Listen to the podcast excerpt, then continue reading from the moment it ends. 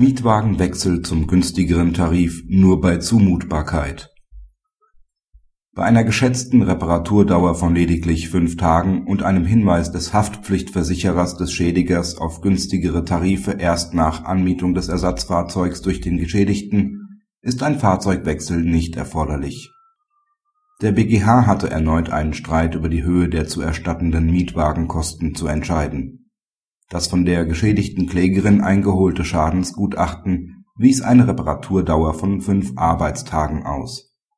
Nachdem sie bereits ein Fahrzeug zum Preis von 110 Euro netto pro Tag zuzüglich Nebenkosten angemietet hatte, wurde ihr vom Haftpflichtversicherer des Schädigers eine günstigere Möglichkeit zur Anmietung benannt: 50 Euro pro Tag auf Grundlage dieser günstigeren Möglichkeit hat der Schädiger für die Zeit ab dem entsprechenden Hinweis die Mietwagenkosten berechnet und reguliert.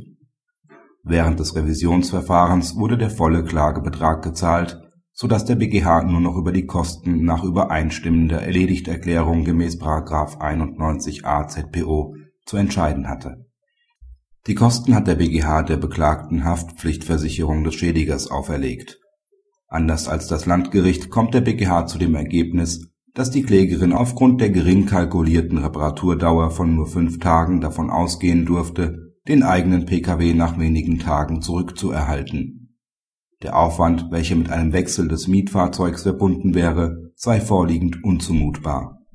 Außerdem entsprach der nach den im Rahmen des tatrichterlichen Ermessens gemäß § 287 ZPO tatsächlich berechnete Tarif dem Normaltarif auf der Grundlage des Schwacke-Mietpreisspiegels.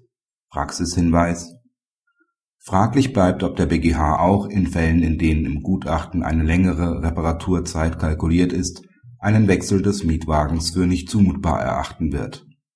Dass der BgH die fehlende Zumutbarkeit gerade an der kurz kalkulierten Anmietdauer festmacht, lässt den Schluss zu, dass dies gegebenenfalls bei einer längeren Dauer anders gesehen werden könnte Letztlich ist es aber immer eine Frage des Einzelfalls.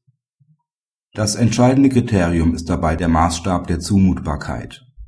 Hier hat eine Gesamtabwägung stattzufinden, die nicht nur von der Mietdauer, sondern sicherlich auch von der Differenz in den Mietpreisen abhängt.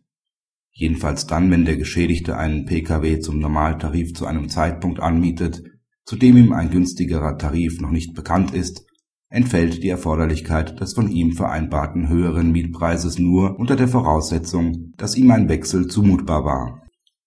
Darüber hinaus werden auch insoweit generelle Aussagen weder in der einen noch in der anderen Richtung getroffen werden müssen